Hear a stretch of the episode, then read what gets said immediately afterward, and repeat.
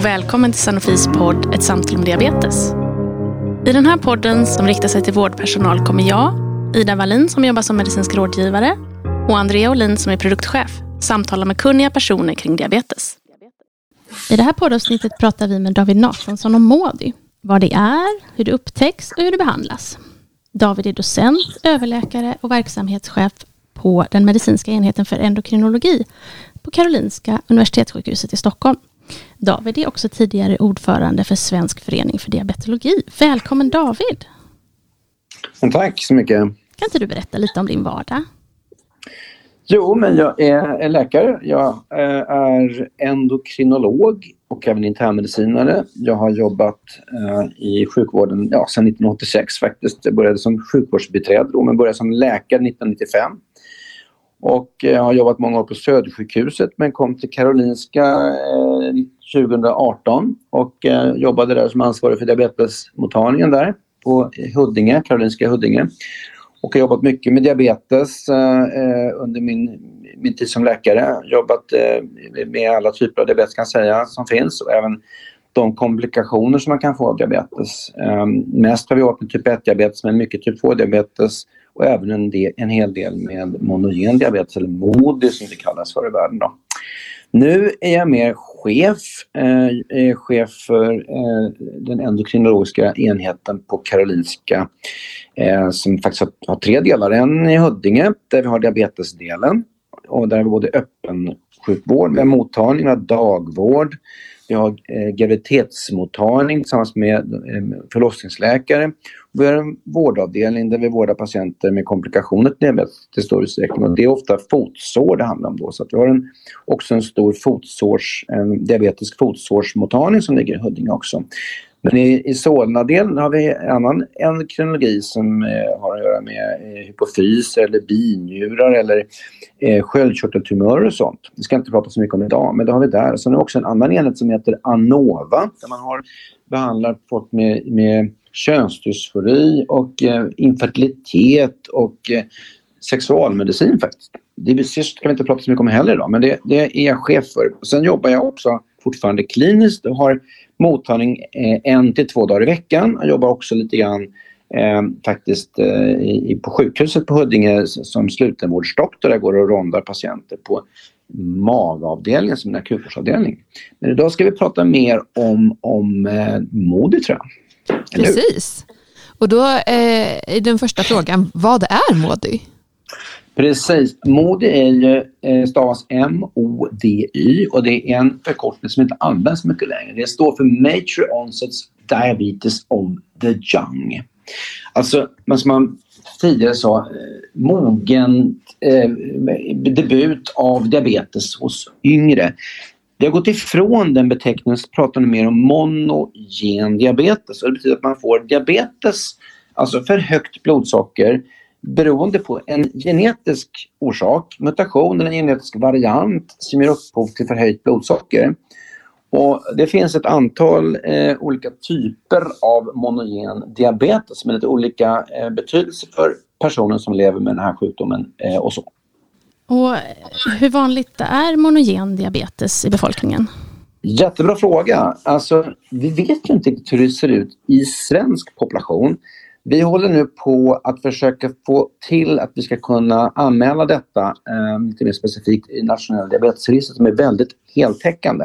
Man brukar prata om 2-4 procent av diabetesbefolkningen. Och hur många har då diabetes i hela befolkningen? Jo, det är 5-6 procent. 85-90 procent består av typ 2-diabetes, ungefär 10 procent Eh, består av, av typ 1-diabetes och några procent av monogen diabetes, och ärftlig diabetes kan man säga. Och hur ser den där ärftligheten ut? Ja, det är en så kallad autosomalt dominant nedärvd sjukdom. Så en, en sjukdom som, som, som är dominant, man har en gen från mamma eller pappa som ärvs vidare och eh, då får, om man får man genen så ärver man sjukdomen. Då. Och om du jämför eh. med typ 1 och typ 2 då, liksom i ärftlighet? Ja, precis. Det finns ju ärftlighet i både typ 1 och typ 2. Den är mera utspädd med andra faktorer kan man säga. Miljöfaktorer, omgivningsfaktorer och egna faktorer eller typ 1 och typ 2. Och eh, man kan säga att mo monogen diabetes är ju eh, det är ett antal kända olika typer av sjukdomsvarianter som orsakas av ett en, ännu lite större antal genvarianter eller mutationer. Då. Om vi tar och jämför, det är lite svårt att jämföra så rakt av, men om man säger typ 1 och typ 2 är ju sjukdomar som progredierar kan man säga. Eh, typ 2 progredierar så tillvida att man behöver en, en, en, mer intensifierad behandling allt längre som man lever med sjukdomen. Det vill säga att man behöver mer och mer behandling för att få koll på blodsockret. Typ 2 går ju också med en risk för att få hjärt-kärlsjuka och komplikationer i kroppens små kärl som yttrar sig i påverkan på ögon, alltså ögonbotten det som kallas för retin eller retinopati. Eh, det är därför man går och tittar på sina ögonbottnar regelbundet, både vid typ 1 och typ 2 och vissa monogena, monogena diabetesformer också. Eh, typ 1 kan man säga, den är inte progressiv så mycket, så, den är också lite progressiv i, i avseende på insulinproduktionen men där avtar insulin, insulinproduktionen väldigt snabbt eh, när man väl har fått symptom. Man har ganska lite eh, insulinproduktion kvar när man väl har fått symptom. Då. Men den progrederar så till man tillvida att ju längre man lever med sjukdomen desto större är risken att få komplikationer. Och det är samma typer av komplikationer som man drabbas av som vid typ 2-diabetes. Om man då går över till de monogena typerna så finns det ett antal olika typer av monogena diabetes. Men om man, om man räknar in då det finns ju nu eh, lite modernare beteckningar på mod, modityperna då, monogena diabetestyperna man säga. Och det, de är lite krångliga beteckningarna men det som förr kallades för modi 3 som är den vanligaste typen av eh, monogen diabetes.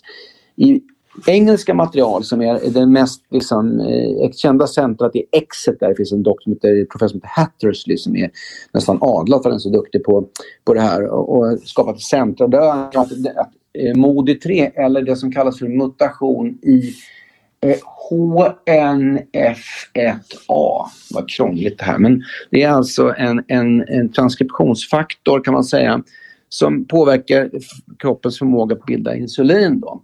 Och den där som kallas för MODI 3 eller påverkan på HNF1A den ger komplikationer som liknar ganska mycket typ 2-diabetes då, med, med, med kärlsjuka och sådär. MODI 3 behandlas företrädesvis med det gamla läkemedlet av gruppen sulfonyluria och det är en tablett som man tar som sänker blodsockret genom att stimulera frisättningen av insulin helt enkelt.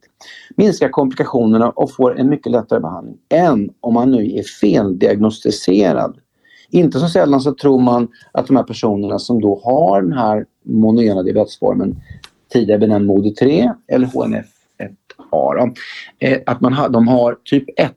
Och det är många som lever med i vetskapen och tror att de har eh, typ 1-diabetes men visar sig ha den här monena diabetesformen. Och om man ställer diagnosen på rätt sätt och kan ställa diagnosen så kan man slippa insulinbehandling och istället få tablettbehandling som är mycket lättare. Mindre risk för blodsockerfall, sannolikt mindre risk för komplikationer och mycket lättare liv att leva helt enkelt. Jag tycker att det är lite spännande med den där ärftligheten, när man går tillbaka ja. till den. Finns det liksom, ja. kan man säga, du säger att den är, den, det finns en, en, en, stark ärftlig komponent, eh, men det finns mm. det hos all diabetes. Finns det liksom någon skillnad i kön till exempel, eller finns det någon skillnad i andra faktorer? Eh, man kan väl säga så här att, att vissa monogena diabetestyper ärvs alltid på mödernet, men det är ovanliga typer och det är de som är mitokondriellt kopplade. I mitokondrien då så har man maternellt DNA. Så att säga. Så där, där, annars så kan monogen diabetesformer både drabba eh, kvinnor och män.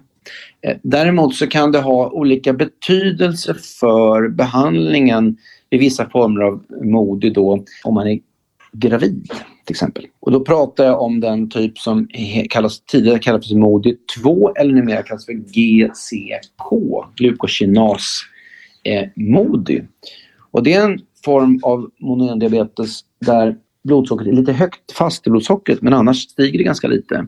Och man får inte komplikationer om man lever med den som lever med det. Men när man är gravid så kan man säga om mamman har den här genvarianten då, eh, GCK, tidigare benämnd MODY 2, med lite lätt högt fastesocker. Men barnet inte har det, fostret inte har det. Då kan fostret växa till, bli för stort Och då behöver man behandling med insulinbehandling under graviditeten för att minska den risken. Å andra sidan, om man felbehandlar en kvinna som har lite högt fastesocker som har GCK eller MODY2 där barnet har samma, ärvt den här eh, genen då. Om man överbehandlar då kvinnan med insulin för att få ett perfekt blodsocker så kan barnet istället bli underviktigt. Så det gäller att veta om, om man har den här genen då hos barnet och, och det är svårt. Man kan mäta fosterblod hos mamman och, och titta om den här genen finns men det går visst att göra i England sägs det. Så att, eh, eh det, det, är ganska ny kunskap där men, men eh, ofta har man fått göra så att man har tittat på om barnet, eh, barnets tillväxt ökar. Man mäter då speciellt ultraljud, tittar på om det till, eh, tillväxten ökar mycket och då behandlar man. Eh, om man tittar på ärftlighet som var din fråga egentligen då, på ärftlighet hos eh, typ 1, typ 2 kan man säga att ärftligheten är inte lika stark där. Eh, man ärver inte en enda gen utan det är många gener som samspelar med miljö och andra faktorer. Eh, visst har man en ökad risk att få diabetes om man är mamma eller pappa som har typ 1-diabetes eller mamma och pappa som har typ 2-diabetes. Och visst har man en extra stor risk att få diabetes om man har en, en enäggstvilling som har typ 1 eller typ 2-diabetes. Men monogen diabetes är autosomalt dominant nedärvd så får man anlaget så får man sjukdomen. Och har man en mamma eller pappa som har sjukdomen så har man 50% chans att ärva den här autosomalt dominanta sjukdomen. Nu har du pratat om MORDY 2 och MORDY 3. Då undrar man ju vad är MORDY 1? Ja precis, MORDY 1 det är mutationen i transkriptionsfaktorn HNF 4A och den ger en lite liknande bild som MODI 3 som är den vanligaste formen för ett MODI 3 är den vanligaste. ONF 4A eh, eller MODI 1 är eh, ganska ovanligt på totalen men står kanske för 10% av all MODI då. Den ger en liknande bild som MODI 3 men avtagande insulinproduktion. Man ser påverkan på på över tid att man har risk för komplikationer med hjärtkärl. Framförallt kan man säga småkärlen i ögon och njurar. Också lite intressant att eh, barn då som föds med det här anlaget kan få eh, blodsockerfall, neonatal hypoglykemi som det heter och kan vara lite överviktiga, väga mer än 4 kilo. Och här är det viktigt att veta då om mamman har MODY 1 så är det viktigt att, att meddela det. Man vet om det, man tänker det så man planerar förlossningen bra. Det verkar finnas väldigt många sorter. Eh, det där var ju bara 1, 2, 3. Jag tänker att det finns minst lika många till. Ja, det finns ett, minst ett tiotal kända kan man säga och det finns ett 55 till 60-tal gener som ger upphov till, till, till, till diabetes och så. Diagnostiken här är, är ju väldigt beroende av eh, dels några kliniska eh, tecken kan man säga. Alltså om man upptäcker diabetes i unga år, man har en insulinproduktion som är ganska normal om man inte är väldigt överviktig utan smal så att säga och har framförallt en ärftlighet på mödernet eller fädernet som är tydlig kan man säga. Och om man har flera syskon som har, kan säga, om, man, om man har 50% av sina syskon som har eh, eh, av syskonskaran, den här syskonskaran som har diabetes, så är det hög sannolikhet att man har moniell diabetes. Och då vill man då verifiera hur man, eh, eh, om man har detta eller inte. Och då gör man ett genetiskt test. Och man kan säga att vi har ofta skickat de här till Exeter. Det är lite bökigt att skicka då men det, de har en excellent, säkert kanske den bästa eh, centrat i världen och bästa testningen och så. Vi har tidigare skickat eh, till Malmö och Lund och så. Men nu har vi på Karolinska tagit fram en egen genetisk eh, panel som täcker ganska stor del av alla de kända mutationerna som finns som, som ger sjukdom. Och, och, vi analyserar det med, eller vi ska säga det, utan det är mina eh, väldigt duktiga kollegor på Centrum för metabola sjukdomar, CMMS, som gör diagnostiken. Jag är ju bara en enkel kliniker som, som jobbar med det kliniska men ställer vi, vi får hjälp av våra duktiga kollegor på CMMS att, att göra detta och det är, är, genetiker som gör de här testerna. Då. Då har väldigt nyligen startat med detta och eh, sett att vi har en, en väldigt bra metod som är stabil och fungerar bra. Och vi kan då själva här på Karolinska eh, med hjälp av CMMS då, eh, gör de analyserna. Och, och, har satt igång ett samarbete här med, med dem. Och eh, vi bjuder också in kollegor från eh, sjukhusen i regionen, även lite utanför Sverige, att eh, skicka prover till oss och sen också vara med på en konferens som vi har när vi går igenom då, eh, diskuterar fynden och vad det kan vara och vilken behandling vi ska sätta in och sådär. Och vad har ni för vad ska man säga, upptagningsområde för om man till exempel sitter på ett sjukhus i Sundsvall, skickar man till er då eller? Vi har egentligen upptagningsområdet när det gäller diabetes har vi det som är de som egentligen hör till motorn i Huddinge. Men eftersom vi nu har eh, den enda enheten i regionen som gör diagnostik så, så får de som vill skicka eh, sina prover till oss för att få dem diagnostiserade. De får, alltså, e, den behandlande doktorn, om man nu sitter på ett annat sjukhus i region eller annan region, får ju göra som de vill. De får ju skicka sina prover antingen till Skåne eller, eller till, eh, till England. Då. Men, men de har möjligheten att skicka till oss. Och vi har en, en metodik som, som eh, tar fler mutationer än, än den i Skåne, i nuläget i alla fall. Det kan vara så att de ändrar det, men, men i nuläget så har vi har vi, man kan säga man analyserar hela genomet med, med ett filter som plockar ut de här, de här generna som är intressanta, som är kända. Då. Varför skulle du säga att det är viktigt att detta fångas upp? Alltså det är ju många skäl till att det fångas upp. Ett, att det här är så kallad precisionsmedicin. Då. Eh, och vad är det då? Jo, det är att man skräddarsyr behandlingen efter vilken genetisk orsak man har till sjukdomen. Då. Och eh, om man inte gör det så kan man få en behandling som är dels felaktig och dels att den är faktiskt är ganska jobbig. Och insulinbehandling med fyra sprutor per dag eller pumpbehandling kräver väldigt mycket. Det vet alla som lever med typ 1-diabetes att det är en krävande behandling. Om man nu kan diagnostisera att man har en annan typ av diabetes där man kan behandla med en tablett om dagen så tror jag de flesta tycker att det är lättare och känns tryggare.